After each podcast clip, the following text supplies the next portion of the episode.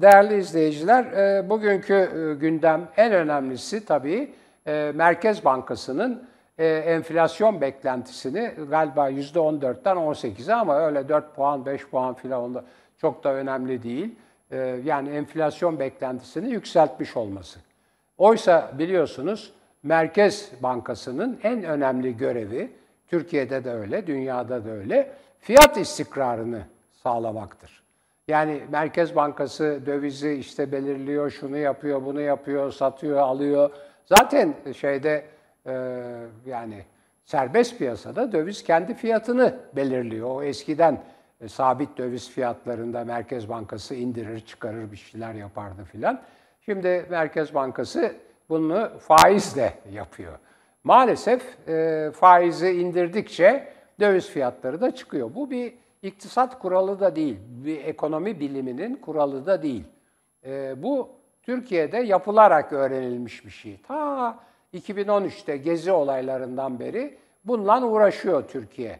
Oradan beri e, Erdoğan e, e faiz ve e, döviz fiyatı veya Türk lirasının değeri aslında tabii döviz fiyatı değil, Türk lirasının değeri ilişkilerinde Türk lirasının değerinin düşmesi enflasyon yani e, enflasyonun sebebi e, faizdir. Faizi düşürürsek enflasyonu da düşürürüz diyor. Halbuki tam tersi, tam tersi e, yani enflasyondur e, faizin yükselten. Daha doğrusu enflasyon arttığı için faiz artar.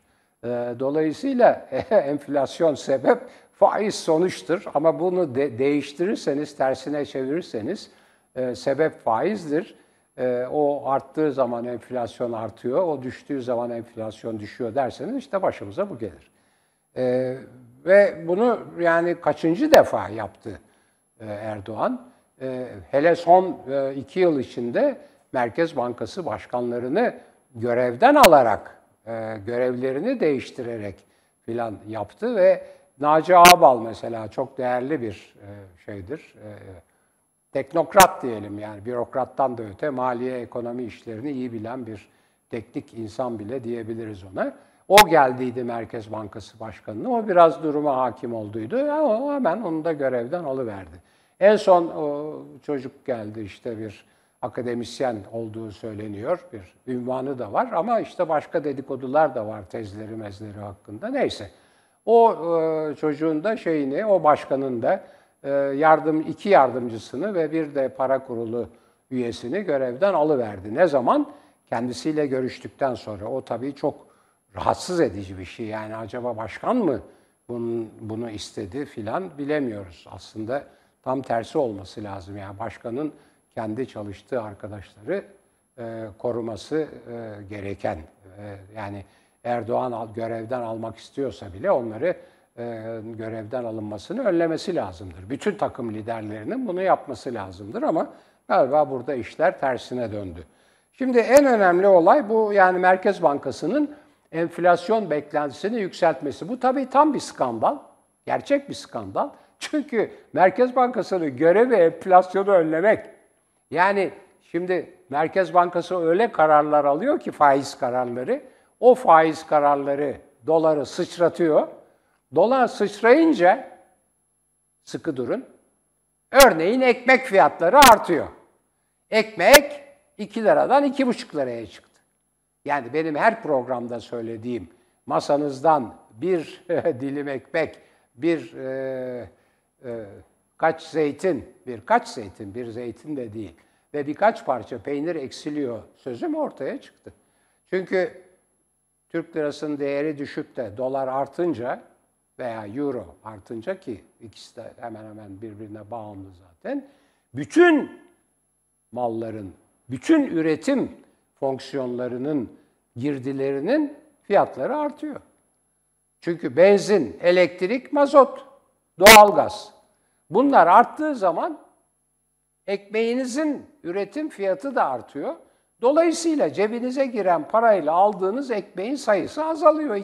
2 liraya alırken 2,5 liraya almaya başlıyorsunuz ki %25 bir artış. Bayağı yüksek.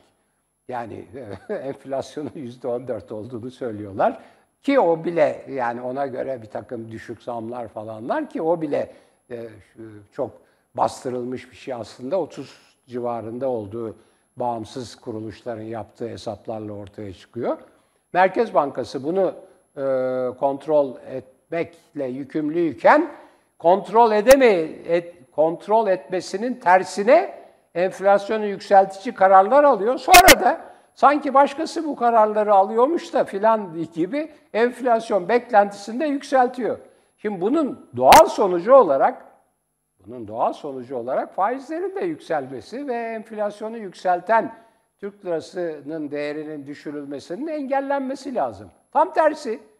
Şimdi çünkü Erdoğan diyor ki faiz sebep enflasyon sonuçtur. Eh enflasyon yükseldiğine göre beklenti yükselmiş %14'ten %18'e.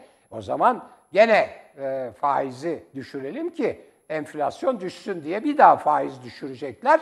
Bu sefer enflasyon beklentisi 25'e falan çıkacak. Yani tam bir skandal. Gerçek bir skandal. Bu Merkez Bankası'nın tarihine geçecek bir skandal. Zaten ben sık sık söylüyorum bu dönemde hukuk tarihine geçecek örnek olaylar, vakalar, örnek vakalar tarihe geçecek, derslerde okutulacak davalar, o davaların görülüş biçimleri, iktisat tarihine, Türkiye'nin iktisat tarihine geçecek olaylar, kararlar filan bu bir şey. E, yani literatür, Türkiye'nin siyasal, ekonomik, sosyal literatürü e, derslerde okutulacak bilgileri son derece gelişti. Hala galiba şey çözülemedi, teknik sorun çözülemedi. Yok çözüldü hocam ben sizi Evet. duyuyorum sorun yok. Ben sizi izliyorum şu anda. E ben sizi duyuyorum. Ben sizi Evet. duyuyorum. O programa Evet, verilemiyor ben mu? Sizin, Duyuyorum. Sizin sesiniz programa Veriliyor hocam.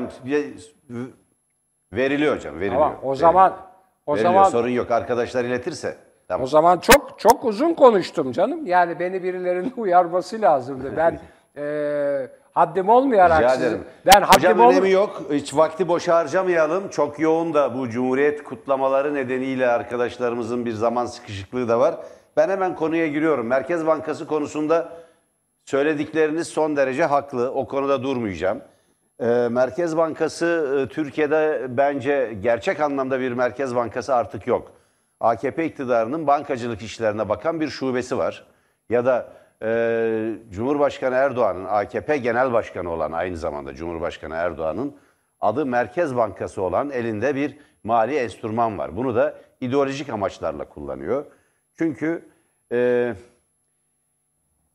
bir İslam'ın bir orta çağ e, yorumundan, orta çağa ait bir yorumundan hareketle e, bir faiz üzerinden bir İslam ekonomisi oluşturmaya çalıştılar. Uzunca süre siyasal İslamcılar. Bu çaresiz bir şeydir. Çaresiz bir şeydir. Esas olarak özgün bir İslam ekonomisi yok. Bu kapitalizmdir. Özel mülkiyet ve kar yasasıyla çelişmeyen bir iktisat anlayışı e, özü itibarıyla kapitalizmle çelişmez. Burada sadece faizi yasaklamaya kalktığınız zaman bir İslamcı ekonomik model oluşturmuyorsunuz. Kapitalizmin e, kurallarına, kapitalizmin işleyiş yasalarına aykırı hareket ettiğiniz için var olan, giderek e, derinleşme eğilimine e, giren ekonomik krizi ya da ekonomik sorunları daha da büyütüyorsunuz. Bunu bir çöküşe dönüştürüyorsunuz. AKP iktidarının durumu budur. E, ve e, Merkez Bankası bir zavallılık içinde, bir iradesi yok, bir bağımsızlığı olmadığı gibi e, kendisine ait bir iradesi de yoktur. O bakımdan e, değerlendirmeniz son derece doğru. Normal şartlar altında merkez bankalarının siyasi iktidarla daha yakın ve daha koordineli çalışması ve toplumun denetimine açık olması gerekiyor. Merkez Bankası bağımlı, e, bağımsızlığı aslında küresel kapitalizme ya da küresel kapitalist e, kuruluşlara, tekellerin etkisine açık haline getir açık hale getirmek, ulusal ekonomileri amacıyla öngörülmüş. Dolayısıyla siyasi iktidarların denetiminden çıkartılmıştı. Fakat tabii AKP gibi bir totaliter, e, dinci, faşizan bir iktidar öngörülmediği için merkez bankalarının nasıl kötü, ekonominin yıkımı için kullanılabilecek bir e, yıkıcı bir araca dönüştüğü e, ender örneklerden biriyle karşı karşıyayız. Ben tekrar şeye döneceğim. E, dün tartıştığımız e, Erdoğan'ın tehdidine. Erdoğan'ın Kılıçdaroğlu'nu tehdit etmesi bence haftanın, ayın hatta yılın da en önemli olayıdır. Sayın Erdoğan dün Tarihin AKP Genel Başkanı Erdoğan partisinin evet partisinin grup toplantısında Çubuk'taki linç girişimini göstererek video olarak göstererek adeta yarım bıraktığınız işi tamamlayın der gibi suç olan fiili övmüştür. Dünyanın hiçbir yerinde bu örnekle, böyle bir olayla, böyle bir örnekle karşılaşılamaz. Yine hatırlatmakta yarar var. Sayın Erdoğan, Kılıçdaroğlu'na bu saldırıdan dolayı Kılıçdaroğlu'nu arayıp bir geçmiş olsun bile demediği gibi yine bir takım iddialara göre Kılıçdaroğlu'nu ya da CHP'yi arayıp geçmiş olsun diyen e, AKP'li milletvekilleri de parti yönetimi ve saray tarafından uyarılmış. Bunun vahim bir tablo olduğunu düşünüyorum. Şimdi bugün Erdoğan, yeni gelişme şu, Erdoğan savcılığa başvurmuş Kılıçdaroğlu'nun ifadesi alınsın diye. Efendim ne demiş Kılıçdaroğlu? Siyasi cinayetler işlenebilir diye endişem var. Bir kaos yaratılabilir diye endişem var. Ben AKP yöneticilerine ve saraydaki danışmanlara bir şey öneriyorum. Kendileri yandaş medyayı izlesinler. İbrahim Karagül'ü, Nuh Albayrak'ın yazılarını, Yeni Şafak'ın ve Star'daki yazılarını takip etsinler. Diğer yazılara baksınlar, takip etsinler. Millet tehdit ediliyor. Ne demektir ya? 1900 şey 2023 tanksız topsuz yir- e, 15 Temmuz olacak. Bunu hazırlıyorlar diye. Yani seçimi kaybederseniz bu 15 Temmuz darbe diyeceksiniz. Değerli seyirciler, AKP seçim sonuçlarını tanımamaya, seçime doğru giden e, Türkiye'de sandığı devirmeye çalışıyor. Milletin iradesine el koymaya, ele geçirdikleri devlet aygıtı aracılığıyla millete darbe yapmaya çalışıyor. Millete darbenin yolunu döşüyor. Bunun için bir psikolojik, sosyo-psikolojik bir atmosfer, bir iklim oluşturmaya çalışıyor. Yapılması yapmak istedikleri şey bu, plan bu. Biz Tele1 olarak bu planı, bu kaos planını deşifre ettik. Bunu açıklamaya çalışıyorum hafta başından beri hocam. 18 dakikada birlikte yapıyoruz bunu. Bugün tutmuş savcılıkta ifade yani Kılıçdaroğlu'nu savcılığa çağırıp onun ifadesini aldırmaya çalışıyorlar. Sayın Erdoğan elinizde istihbarat örgütleri var. Yapılması gereken, sorumlu bir devlet adamının yapması gereken şey şudur. Ben bir gazeteci olarak baktığımda, izlediğimde istihbarat teşkilatını çağırmak, emniyet müdürlüğünü ve ilgili birimlerini çağırmak, jandarma ve gerekirse genelkurmay istihbaratı ki genelkurmay istihbaratı tasfiye edildi. Çağırmak ve ya böyle bir ihtimal var mı diye bakmaktır. Sayın Kılıçdaroğlu'nu aramak ve ona söylemek lazım ki ya elinizde bilgi belge varsa bunu bizimle paylaşın demek lazım. Hocam çok iyi hatırlarsınız 1978'de Demirel Ecevit'i arayarak bir suikast ihtimalinden söz etti. Taksim mitinginde kendisine bir suikast yapılabileceğini bildirdi. Ona rağmen Ecevit geldi ama bu bilgi, bu bilginin kamuoyuyla paylaşılması bu suikastı önledi. Bu suikast bilgisini Demirel'e aktaran o dönemde Tercüman gazetesinin sahibi olan Nazlı Ilıcak'ın da eşi olan Kemal Ilıcak. Kemal Ilıcak'a aktaran ise eski bir Gestapo ve daha sonra CIA'ye çalışan eski bir Gestapo ajanı. Özbek kökenli bir Gestapo ajanı. Bakın Enver Altaylı veyahut Lokman Kundakçı gibi o dönemde MHP ile de ilişkili olan CIA bağlantılı istihbarat örgütleriyle içli dışlı bazı isimler bunu yakından biliyorlar. 1978'de Ecevit'e suikast hazırlığının olduğunu Demirel bildiriyor. Sorumlu devlet adamı yaklaşımı budur, tavrı budur. O dönemde Demirel ve Ecevit'in birbiriyle selamlaşmadığı bir dönemdir üstelik. Aralarında çok sert bir siyasal kavganın olduğu bir dönemdir. Ona rağmen Demirel suikast ihbarını iletti ve bakın 77 1 Mayıs'ından sonra eğer 77 1977 1 Mayıs'ında 34 kişi değil de 300 kişi ölmüş olsaydı dönemin kara kuvvetleri komutanlığı komutanı bir darbe teşebbüsünde bulunacaktı. Faşist ve MHP yanlısı bir darbe, o dönemdeki MHP yanlısı bir darbe teşebbüsünde bulunacaktı. O nedenle bakın e, Ağustos'u beklemeden, 1977 Ağustos'u beklenmeden e, 1977 Temmuz ayında Türk Silahlı Kuvvetleri'nden tam 800 subay emekli edildi. MIT'ten çok sayıda, MIT'in üçte biri tasfiye edildi, ihraç edildi. O dönemi bilenler bilir ki ben e, Ülkücü Hareketi'nin Analitik Tarihi adlı kitabımda ben e, o dönemi ayrıntılı bir şekilde çalıştım ve yazdım. Yeşilköy Havalimanı'nda, Sirkeci tren garında bombalar patladı. İnsanlar öldü. 1 Mayıs'ta 37 insan öldü. Taksim 1 Mayıs mitinginde. Benzer bir provokasyonu Cumhuriyet Halk Partisi'nin Taksim mitinginde de 78'de de gerçekleştirmeye kalktılar. Çok görkemli, çok büyük bir mitingti. Çok büyük bir mitingti. Demirel ki o dönemde Kemal Ilıcak'ı da tebrik etmek lazım. Bakın Kemal Ilıcak o sert çatışmada sağ, sağın tek sesi olan bir gazetenin sahibi, gazeteci kökenli bir e, medya patronu o dönemde. Bunu Demirel'e bildiriyor, Demirel Ecevit'e bildiriyor, bildiriyor ve bu şekilde önlüyorlar. Yapılması gereken bugün de budur. Ee, eğer bir gerçekten bu toplumun istikrarı, huzuru e, gözetiliyorsa, adil ve demokratik bir seçimlere bu Türkiye götürülmek isteniyorsa yapılması gereken budur. İşbirliğidir. Bu verilen dilekçe iyi niyetli bir yaklaşımın işareti değildir. Doğru değildir. Şikayet ediyor. Niye siyasi cinayet işlendi dedi diye. Şikayet edeceğinize bilgisine başvurun. Sadece Sayın Kılıçdaroğlu söylemedi ki. Ali Babacan söyledi, Koray Aydın söyledi, Meral Akşener söyledi. Selçuk Özdağ söyledi. Ve bunun için tedbir alınması gerektiği ısrarla vurgulandı. Ben İzmir'deyim hocam. İzmir'de bugün çok iyi bir etkinlik oldu. Ee, oraya e, programın sonuna doğru değineceğim. İzmir tam bir e, cumhuriyet havasında, görkemli bir şekilde cumhuriyet kutlanıyor. Çocuklar yollarda işte Mustafa Kemal ve Cumhuriyet e, posterleri içeren tişörtler giymiş durumdalar. Kendiliğinden yani şehir e, ve Türkiye yeni bir döneme, başka bir döneme hazırlanıyor. Bugün Cumhuriyet Halk Partisi Genel Başkanı Sayın Kemal Kılıçdaroğlu'nun Muğla'da yaptığı konuşmada belirttiği gibi hani diyor ya Sayın Erdoğan az kaldı sorunlar olduğunu biliyorum çözeceğiz az kaldı diye. Sayın Kılıçdaroğlu da diyor ki evet gerçekten az kaldı. Gidiyorlar. İktidarı kaybedecekleri kesin ama ne yaparlarsa yapsınlar hiçbir provokasyon Türkiye'nin adil ve demokratik bir seçime götürülmesini önleyemeyecek. Ve hiçbir tedbir, hiçbir baskı, hiçbir tehdit AKP iktidarının siyasal ve tarihsel ömrünü uzatamayacak. O bitti artık. Öyle görünüyor. Burada sokakta insanın yüzüne çarpıyor hocam. Hava bu. Buyurun. Şimdi sokak deyince siz tabii e, bugün e, Tele1'in ana Ben haber... sokaktan geldim hocam o yüzden. hayır, hayır. Ama sokak çok önemli bir gösterge tabii. Şöyle bir şey var. O e, Sosyolojik olarak da sokak önemli bir evet, e, evet. Sokak çok önemli. kavram. Tabii. E, ve e, sokağın bir göstergesi var. O göstergede şu.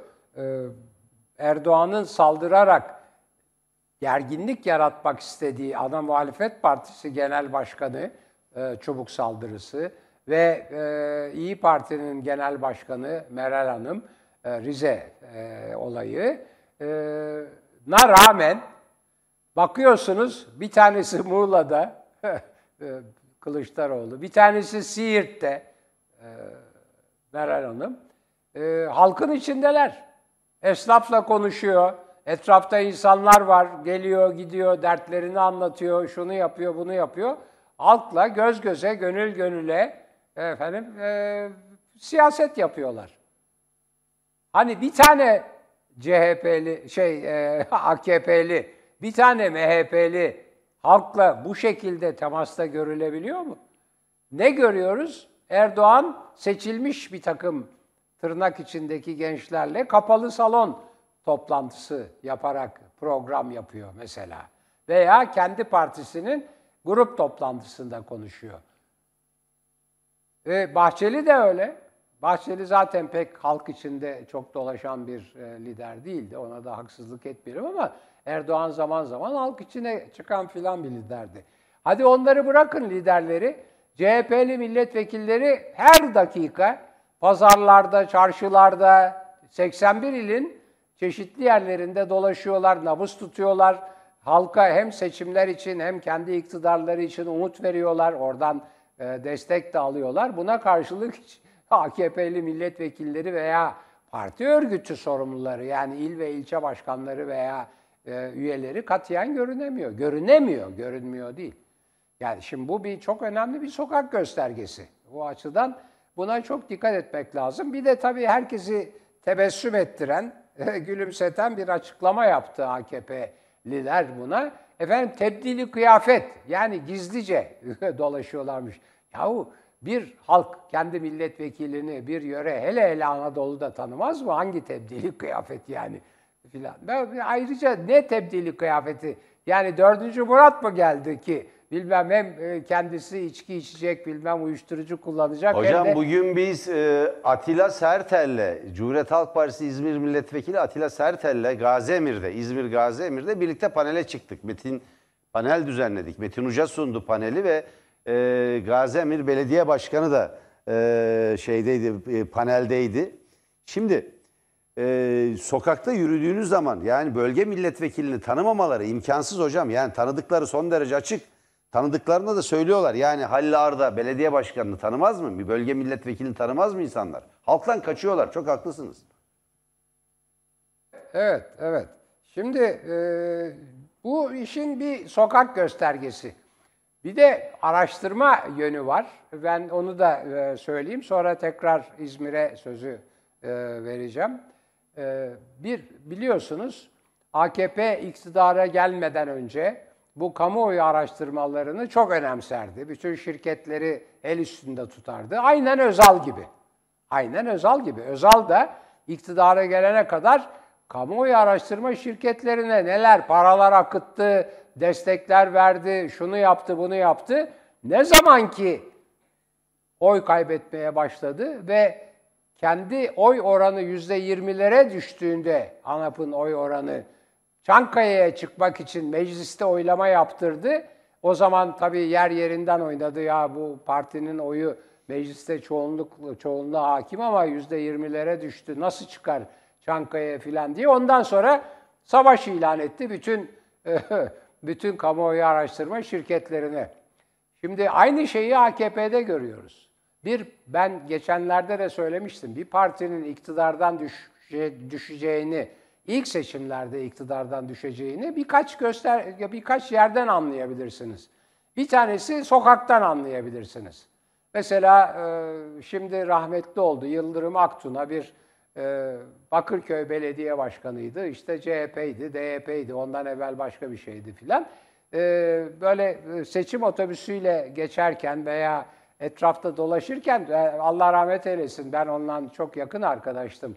Beraber çok çalıştık. O Sağlık Bakanı iken işte Aytun Çıray onun müsteşarıydı. O da çok değerli bir çocuktur.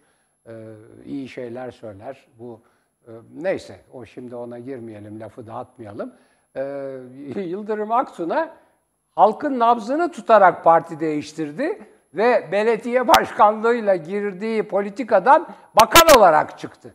Sırf halk ve parti değiştirerek. Sırf halkın nabzını tutarak. Ne oluyor? Kim hangi partiye kim nasıl bakıyor filan diye. Sokak birincisi. İkincisi gençlerin tavrı. Gençler hangi partiye yöneliyorlarsa onun kazanma şansı daha fazla oluyor. Çünkü o değişimi e, simgeliyor gençler. İkincisi gençler. Üçüncüsü tabii kamuoyu araştırmaları. Kamuoyu araştırma şirketlerine kim destek veriyorsa, çok iyi diyorsa, sonuçlarını kullanıyorsa o iktidara geliyor. Muhalefettedir. Her kim ya bakmayın siz bunlar palavra ve parayla bir sonuç veriyorlar, bir işe yaramazlar filan diyorsa bilin ki onun hiçbir şansı yok. İktidardaysa düşecek, muhalefetteyse de iktidara gelemeyecek. Çünkü kamuoyu şirketleri yaptığı iş gereği doğrucu Davut olmakla para kazanırlar. Yani bir kamuoyu şirketinin yalancı olduğu veya şişirdiği veya işte o da yanlıştır ya yüksek beklenti verir falan. Ondan sonra onun altında sonuç çıkarsa zafer bile olmaz o yenilgi sayılır filan. Neyse onlar karışık işler ama şu yani herhangi bir parti iktidarda veya muhalefette kamuoyu şirketlerinin sonuçlarına destek veriyorsa iktidardaysa kalacak, muhalefette ise iktidara gelecektir. Yok kamuoyu şirketlerini düşman ilan ettiyse muhakkak iktidardaysa düşecek, muhalefette ise iktidara gelemeyecektir. Şimdi en son ya bunu Özal'da çok açık gördük, her yerde görüyoruz da e, şimdi e, AKP tam bu çizgide. İktidara gelmeden önce yani muhalefetteyken iktidarın ilk zamanlarında hep kamuoyu şirketlerine pek itibar ederlerdi. Hala çok paralar döktükleri söyleniyor. Ben bilmiyorum. Kamuoyu şirketini çoktan ben 91'de e, bıraktığım için Ee, ama bu işleri bildiğim için yani onu hemen görebiliyorum. Çok para döktükleri tekrardan söyleniyor. Şimdi en son elimizde bir araştırma var. Bu e, işte hem e, siyasal cinayetler hem seçim hem AKP'nin benim söylediğim Merkez Bankası enflasyon yani yoksullaşma. Enflasyon yüksekse yüksek yoksullaşıyoruz. Enflasyon bir biliyorsunuz AKP iktidara gelmeden önce bu kamuoyu araştırmalarını çok önemserdi. Bütün şirketleri el üstünde tutardı. Aynen Özal gibi. Aynen Özal gibi. Özal da iktidara gelene kadar kamuoyu araştırma şirketlerine neler paralar akıttı, destekler verdi, şunu yaptı, bunu yaptı. Ne zaman ki oy kaybetmeye başladı ve kendi oy oranı yüzde yirmilere düştüğünde ANAP'ın oy oranı Çankaya'ya çıkmak için mecliste oylama yaptırdı. O zaman tabii yer yerinden oynadı ya bu partinin oyu mecliste çoğunluk çoğunluğa hakim ama yüzde yirmilere düştü. Nasıl çıkar Çankaya'ya filan diye. Ondan sonra savaş ilan etti bütün bütün kamuoyu araştırma şirketlerine. Şimdi aynı şeyi AKP'de görüyoruz. Bir, ben geçenlerde de söylemiştim, bir partinin iktidardan düşe, düşeceğini, ilk seçimlerde iktidardan düşeceğini birkaç göster birkaç yerden anlayabilirsiniz. Bir tanesi sokaktan anlayabilirsiniz.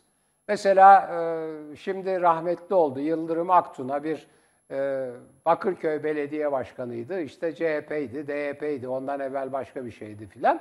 E, böyle seçim otobüsüyle geçerken veya etrafta dolaşırken Allah rahmet eylesin ben ondan çok yakın arkadaştım. Beraber çok çalıştık. O Sağlık Bakanı iken işte Aytun Çıray onun müsteşarıydı. O da çok değerli bir çocuktur. İyi şeyler söyler. Bu neyse o şimdi ona girmeyelim, lafı dağıtmayalım. Yıldırım Aksun'a halkın nabzını tutarak parti değiştirdi ve belediye başkanlığıyla girdiği politikadan bakan olarak çıktı. Sırf halk ve parti değiştirerek. Sırf halkın nabzını tutarak. Ne oluyor? Kim hangi partiye kim nasıl bakıyor filan diye. Sokak birincisi. İkincisi gençlerin tavrı. Gençler hangi partiye yöneliyorlarsa onun kazanma şansı daha fazla oluyor. Çünkü o değişimi e, simgeliyor gençler. İkincisi gençler. Üçüncüsü tabii kamuoyu araştırmaları. Kamuoyu araştırma şirketlerine kim destek veriyorsa, çok iyi diyorsa, sonuçlarını kullanıyorsa o iktidara geliyor. Muhalefettedir. Her kim ya bakmayın siz bunlar palavra ve parayla bir sonuç veriyorlar, bir işe yaramazlar filan diyorsa bilin ki onun hiçbir şansı yok. İktidardaysa düşecek, muhalefetteyse de iktidara gelemeyecek. Çünkü kamuoyu şirketleri yaptığı iş gereği doğrucu Davut olmakla para kazanırlar. Yani bir kamuoyu şirketinin yalancı olduğu veya şişirdiği veya işte o da yanlıştır ya yüksek beklenti verir falan. Ondan sonra onun altında sonuç çıkarsa zafer bile olmaz o yenilgi sayılır filan. Neyse onlar karışık işler ama şu yani herhangi bir parti iktidarda veya muhalefette kamuoyu şirketlerinin sonuçlarına destek veriyorsa iktidardaysa kalacak, muhalefette ise iktidara gelecektir. Yok kamuoyu şirketlerini düşman ilan ettiyse muhakkak iktidardaysa düşecek, muhalefetteyse iktidara gelemeyecektir. Şimdi en son ya bunu Özal'da çok açık gördük, her yerde görüyoruz da e, şimdi e, AKP tam bu çizgide. İktidara gelmeden önce yani muhalefetteyken iktidarın ilk zamanlarında hep kamuoyu şirketlerine pek itibar ederlerdi. Hala çok paralar döktükleri söyleniyor. Ben bilmiyorum. Kamuoyu şirketini çoktan ben 91'de e, bıraktığım için. E, ama bu işleri bildiğim için yani onu hemen görebiliyorum. Çok para döktükleri tekrardan söyleniyor. Şimdi en son elimizde bir araştırma var. Bu e, işte hem siyasal cinayetler hem seçim hem AKP'nin benim söylediğim Merkez Bankası enflasyon yani yoksullaşma. Enflasyon yüksekse yüksek yoksullaşıyoruz. Enflasyon sabit veya düşükse pek yoksullaşmıyoruz veya az yoksullaşıyoruz. Bu kadar basit. Yani enflasyon oranına bakın, cebinizden paranın nasıl gittiğini görün. Gayet açık o onu gösterir. Şimdi başka bir şey daha çıktı. Bir araştırma şirketi, adı çok da önemli değil ama e, önemlice bir araştırma şirketi. Kendisi önemli. Sonuçları pek şey değil, aykırı çıkmıyor. E, Amerika'da çok yapılan biçimde bir, bir kamuoyu yoklaması yapıyor. Amerika'da şuna bakılır. Bir başkan veya başkan adayının başkan seçildikten sonra bir başkanın e, yaptığı işlerin tasvip edilme oranı sorulur. Yani tek tek konulardan çok. Ya bu şeye de Trump için de soruldu, Biden için de soruluyor. Trump için artık iyice çakılmıştı. Biden için de çok enteresan. E, iktidara ge- geldiğinin tam ilk aylarındaki kadar, ilk günlerindeki kadar yüksek değil. O da gittikçe aşağı doğru iniyor. E, elli sebepleri var ama o ayrı.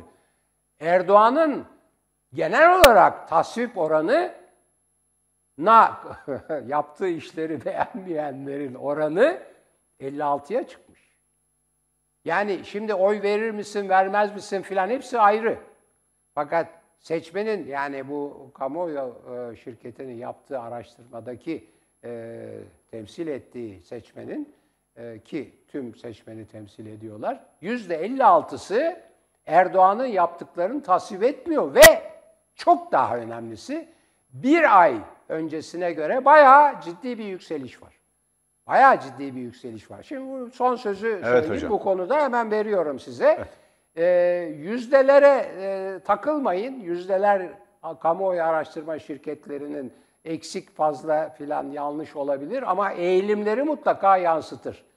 İktidar düşüyor, Millet İttifakı, CHP, İyi Parti ve diğerleri iktidara geliyor. Bütün kamuoyu araştırmaları bunu gösteriyor. Evet buyurun efendim. Şimdi hocam bu araştırmayı söyleyelim. Metropol araştırma, e, rütük kuralları gereği Türkiye'nin nabzı araştırması Ekim 2021'de yapılmış. Yani bu ay yapılmış bir anket. E, Cumhurbaşkanı Tayyip Erdoğan'ın görev e, onayı ile ilgili bölümü yayınlamışlar. Araştırma 28 ilde 1568 kişiyle yapılmış. Hata payı artı eksi yüzde 2.47 olarak açıklanmış. Bunu belirtelim. Ve e, evet yüzde 56,2'si e, Cumhurbaşkanı'nın görev yapma biçimini onaylamıyorum demiş. Yüzde 38,9'u ise onaylıyorum demiş. Yani yüzde 39 diyebiliriz buna. Aslında bu oran yani yüzde 40, e, yüzde 60 şeklinde yuvarlanabilir. Yüzde 4,9'u ise fikrim yok, cevabım yok seçeneğini işaretlemiş. Bu teknik bilgiyi verdikten sonra hocam, e, yani künyesini de açıkladıktan sonra bu veriler, Hemen yani bir- bir şey söyleyeyim. denekler, e, TÜİK verilerinden alınmış. Hocam bir reklama gitmek gerekiyor, arkadaşlar uyarıyor. Evet, bir dakika sonra Buyurun. gidecekmişiz. Bu arada ben hemen bir küçük şey söyleyeyim. Bu söylediğiniz, saydığınız şeyler gayet doğru, gayet iyi. Standarttır. Yani Türkiye'de yapılan bütün ciddi bilimsel tırnak içindeki araştırmaların e, hem örneklem sayıları 1200-1500 arasıdır, hem sapmaları artı eksi yüzde ikidir filan. Yani anlaşılıyor ki bu araştırma standart ölçülere göre bilinen, Türkiye'de kabul edilen bilimsel standartları karşılamış bir araştırma. Onu da vurgulayalım ve reklam. Şöyle vurgulayalım hocam. Bu araştırmaya ve diğer araştırmalara çok fazla güvenmek gerekmiyor. Metropol araştırma AKP yanlısı bir şirketti. AKP'lilerin bile, AKP yanlısı şirketlerin bile görmediği, görmekten e, kendisini alıkoyamadığı, görmezden gelemediği bir e, iktidarda bir çöküş, bir çözülme yaşanıyor. Kısa bir reklam arası değerli seyirciler. Yaklaşık 50 saniye, 50 saniye sonra buradayız. Yeniden merhaba değerli seyirciler. Hocam söz bende galiba. Evet, evet. Sizin reklam sizin sözünüz üzerine girdi, evet. Evet. Peki hocam siz bitirdiniz mi konuya ilişkin değerlendirmenizi? Peki. Zaten Ee, söylemiştim. ben tekrar evet yine bu tehdit e, meselesine döneceğim. Şimdi e, künyesini okuduk. Bu ve diğer araştırmaların tamamı AKP iktidarının gittiğini ve bu çözülmeyi hiçbir şeyin, hiçbir girişimin durduramayacağını çok net bir şekilde gösteriyor. Ben bugün Demirören grubunun kamu bankalarından kullandığı kredi üzerinde kısaca durmak gerektiğini düşünüyorum. E, Değerli seyirciler bildiğiniz gibi Demirören grubu Hürriyet e, gazetesi ve bağlı bütün şirketleri, e, televizyonları, CNN Türk, Kanal D, işte Posta gazetesi, çok sayıda dergi, e, Hürriyet gazetesi başta olmak üzere e, önemli Türk basınının önemli köklü e, medya kuruluşlarını satın aldı. Satın alırken 850 milyon dolar aslında çok düşük bir e, paraydı bu e, grubun gücü ve etkisi bakımından. Çünkü e, piyasadaki e, reklamın yani medya sektörünün e, aldığı reklamın %65'ini e, bu grup topluyordu. Yani reklam payı en yüksek gruptan söz ediyoruz. E, AKP iktidarının baskılarıyla, müdahaleleriyle başından itibaren uzanlarla başladılar. E, Çukurova grubuyla devam ettiler. Sabah grubunu, Çukurova grubunu ele geçirdiler. Yani akşam şov, e, akşam gazetesi şov televizyonu, e, ATV Sabah grubu, en sonunda Aydın Doğan grubuna yani Hürriyet grubuna geldiler ve onu da ele geçirdiler. Demirören şu anda ve e, Demirören grubu bir yandaş medya grubudur. Peki bunu nasıl aldılar? Biz hocamla talip olduk biliyorsunuz. Yani Ziraat Bankası 750 milyon dolar kredi verdi. Adamlar krediyi geri de ödememişler. Bu kredi için bir takım malları ipotek göstermişler. Ödememişler. 300 milyon e, kredi karşılığı olarak bir takım arsaları, taşınmazları, binaları ipotek olarak göstermişler. Banka, Ziraat Bankası almış bu taşınmazları ve arsaları tekrar Demirören grubuna kiralamış. Böyle bir tablo var iyi mi? Değerli seyirciler, Türkiye'de medya özellikle e, AKP iktidarının 2010'dan sonra yani 12 Eylül 2010 o yetmez ama evetçilerin e, gündeme girdiği, Türkiye literatüre dahil olduğu diyelim o ünlü referandumdan sonra özellikle medyanın yapısına müdahaleyi hızlandırdığı bir döneme girdi. Daha önce Uzan çeşitli sebeplerle Uzan grubunu tasfiye ettiler. Uzan grubu da dostları çok az olan, agresif, iş dünyasında da e, herkesle çatışan bir e, grup olduğu için çok fazla kamuoyundan bir destek görmedi. Ama bunu devam ettirdiler. Yani bunun uzan grubuyla sınırlı olmadığı anlaşıldı. Çünkü medyayı ele geçirmek toplumun bilincini kuşatmak anlamına geliyor. Onlar medya çünkü e, hani e, istatistik ki Ayhan Toraman kendisini rahmetle anıyorum benim istatistik hocamdı iki yıl boyunca. Türkiye'nin en iyi istatistik uzmanlarından biriydi. E, o da söylerdi ve klasiktir o işte bir yalan vardır, bir kuyruklu yalan vardır, bir de istatistiki yalan vardır denir. Buna bir dördüncüsünü eklemek lazım. Yalan, kuyruklu yalan, istatistiki yalan bir de medya yalanı vardır. Siz e, propagandayı, dezenformasyonu bu dönemde medya üzerinden yaparsınız. Bakın cep telefonunuzdan tabletinize, elinizdeki bilgisayara, evinizdeki ekrana kadar her gün, her dakika, her saniye bir bilgi, haber akıyor insanlar. Bilgi ve gerçek o kadar parçalanmış durumda ki çağımızda. Gerçeği topluma anlatmak son derece zor. O yüzden çok tekrar etmek e, ki reklamcıların kullandığı tekniktir. 15 günden az ve sürekli tekrar eden bir reklama girmediğiniz zaman ve bunu bütün kanallarda girmediğiniz zaman, televizyonlarda, radyolarda, sokaktaki billboard denilen sokak tabelalarında, metroda, otobüste, her yerde yani e, vatandaşın hiçbir biçimde ıskalamayacağı bir yoğunlukta bir kampanya yürütmediğiniz takdirde o ürününüzün pazarda etkili olması mümkün değil. Bu nedenle medyayı ele geçirdi. Medyayı ele geçirmek Türkiye'de Cumhuriyete karşı gelişen sabotajın en önemli araçlarından biriydi. Cumhuriyetin 98. yılında biz Cumhuriyetin varlığını tartışıyorsak eğer, 2023'te bunlar hilafet mi ilan edecekler kaygısı toplumda eğer yayılıyorsa, bunun nedenlerinden biri medyadır. Medyanın ele geçirilmesidir. Medyanın büyük bir yalanın aracı haline getirilmesidir. O yüzden fakat buna rağmen çözülen bir iktidardan söz ediyoruz. Demirörenlere verilen bu şey ki D Smart'ı var vesaire var, uydu var, uydu platformları var. Birçok şey verildi.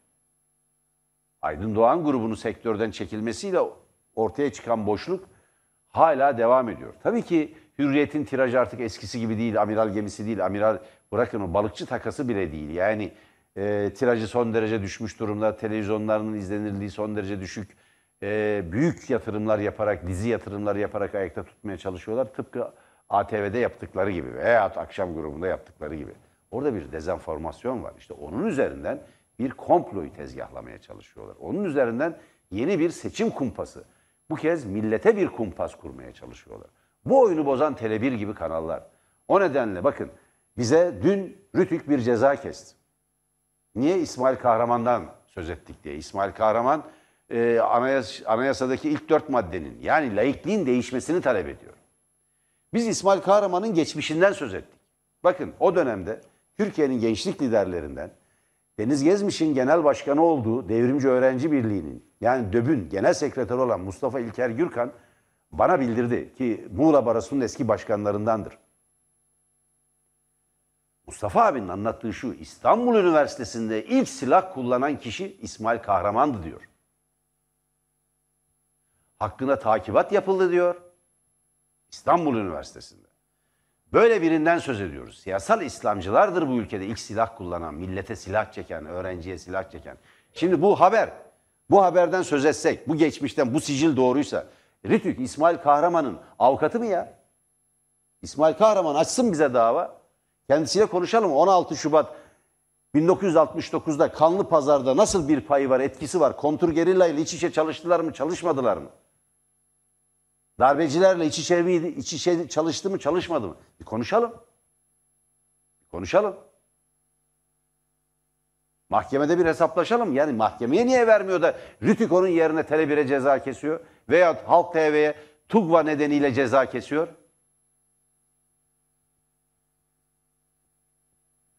Biz seyircilerimizin desteğiyle, toplumun desteğiyle, halkın desteğiyle bu cezaları da atlatacağız. Bu engelleri de, bu cezaları da aşacağız. Tıpkı iktidarın sonu geldiği gibi, AKP iktidar gittiği gibi, Rütü'yü de bu millet tarihin çöp sepetine atacaktır. Bu kadar antidemokratik, bir sansür aygıtı olarak çalışan bir kurul olamaz. Ne demek ya şeyini, itibarını sarsmak? İtibar bekçisi mi? Nereden? Küçük düşürmek. Nereden çıkarttınız? Hangi ölçüye göre? Küçük düşürüldü İsmail Kahraman. Siyasi bir eleştiri yapıyoruz. Mustafa İlker Gürkan bir hukukçu yazmış. İstanbul Üniversitesi'nde ilk silah kullanan kişidir diyor. Bir iddia. Belki birçok bulguya dayalı. Takibat yapılmış, soruşturma açılmış bu konuda. O bakımdan medya önemli. Yetmiyor. Yani Demirören grubunu ele geçirdiler. Sabah grubunu, Çukurova grubunu, Uzan grubunu yok ettiler. Bakın Star televizyonu, Star gazetesi devam ediyor. Ve Star bir kaos ortamının hazırlayıcılarından biri gibi davranıyor. Star'ın bazı yazarlar. Yeni Şafak da öyle. Belirttik bunu. Yetmedi bu sefer Rütük de bizim üzerimize gelmeye çalışıyorlar ama biz Rütük'ün cezalarına bugüne kadar nasıl direndiysek öyle direneceğiz. Ben protesto ediyorum bu cezayı. Bir kez daha buna dönmek lazımdı. Demirören e, nedeniyle medyanın içinde bulunduğu durumu tartışmak lazımdı hocam. Buyurun. Şimdi değerli izleyiciler çok önemli bir konu var. Onu belirteceğim ama oradan bir başka temel meseleye gireceğim bir iki dakika için. Çok önemli konu bugün bir kız evladımız daha takside tabancayla infaz edildi. Üstelik de böyle gayet garip de bir öyküsü var. İniyor, şoför durduruyor, kız kaçmaya çalışıyor, adam peşinden koşuyor, tabanca tutukluluk yapıyor filan. Tam bir facia. Bu dün de bir kız evladımız boğazı kesilerek, gırtlağı kesilerek katledilmişti bir erkek tarafından. Yahu nedir bu erkek feodalizmi, bu erkek cinayetleri, bu erkeklerin e, ya benimsin ya kara toprağımsın hikayesi. Yani kim yetiştiriyor ya bu erkekleri? Bunların anaları yok mu? Bunların kız kardeşleri yok mu? Bunları yetiştiren analar kendilerine dönsünler biraz. Ve lütfen analar evlatlarını böyle yetiştirmesinler, erkekleri böyle yetiştirmesinler yani. Böyle şey olur mu ya? Dedikten sonra bu derin devlet hikayesi biraz evvel bu 1977 1 Mayıs'tan filan söz etti e, Yanar da. Şimdi arkadaşlar, değerli izleyiciler, bu derin devlet Türkiye'de her zaman bir sorun olmuştur. Ve genellikle e, siyasal iktidarın dışında bir güçten söz edilir derin devlet derken. 20 yıldır iktidarda bulunan bu bu parti ve bu lider derin devleti de tümüyle ele geçirmiştir, tümüyle hakimdir. Türkiye'deki 1970'lerdeki Kesinlikle hocam. Kesinlikle. E, Türk bu çok önemli bir nokta. Türkiye'de 1970'lerdeki veya 1990'lardaki cinayet salgını eğer bir defa daha ortaya çıkarsa doğrudan doğruya bu iktidarın sorumluluğundadır. Söylüyorum. Derin devlet 3 3 örgütten desteklenir. 3 örgütten. Bunlardan birincisi ve en önde geleni MİT'tir. Milli İstihbarat Teşkilatı. Orada bir örgütlenme. İtalya'da şurada burada Gladio denilen Türkiye'de falan işte bir takım şeyler var. İkincisi Türk Silahlı Kuvvetleri'dir. Oradaki özel harp dairesi veya işte e, yani çeşitli isimleri var. Oradan e, desteklenen bir e, faaliyettir. İşte NATO bilmem ülkesi olarak e, Sovyetler Türkiye'yi işgal ederse bir takım siviller de gidilip bir yerlerde e, kazılı yerlerde saklı bulunan silahları alacak da direnecek filan diye. Üçüncüsü İçişleri Bakanlığı'dır. Şimdi gayet net ve açık olarak söylüyorum. 20 yıllık AKP Erdoğan iktidarı sırasında MİT Hakan Fidan aracılığıyla Türk Silahlı Kuvvetleri Hulusi Akar aracılığıyla İçişleri Bakanlığı Süleyman Soylu aracılığıyla tamamen denetim altına alınmıştır. Bu kötü bir şey midir? Hayır. Hayır asla. Bu ne bir kötü bir şeydir, ne bir ithamdır, ne suçlamadır. Tam tersine bir tebriktir belki de. Yani bu iktidar derin devleti bitirmiştir. Ne yaparak bitirmiştir? İktidara karşı, iktidara rağmen bir derin devlet olamaz. Türkiye'de iktidarı düşürmek için bir darbeye hazırlık yapmak için bir derin devlet cinayetleri ortaya çıkamaz. Eğer siyasi cinayetler ortaya çıkarsa onu yapanlar tamamen ve muhakkak bu iktidarın denetiminde olan kişiler veya örgütlerdir. Bitti. Evet hocam tamamen size katılıyorum. Zannediyorum arkadaşlar da ilettiler. Süremiz de bitti. Ben yarın yine İzmir'de olacağım. Bu hafta sonu İzmir'de olacağım. Ee, bir diz buradaki işlerimiz var. Yarın yine İzmir'den katılacağım. Buradan İzmir'den e, bütün izleyicilerimize sevgilerimi iletiyorum. Yarın görüşmek üzere. Evet, e, bu programdan sonra Tuğba Emlek'in sunduğu 29 Ekim Cumhuriyet Bayramı özel programı var. Ben orada da biraz katılacağım programa, bir süre için katılacağım. Hepinizi bekliyorum.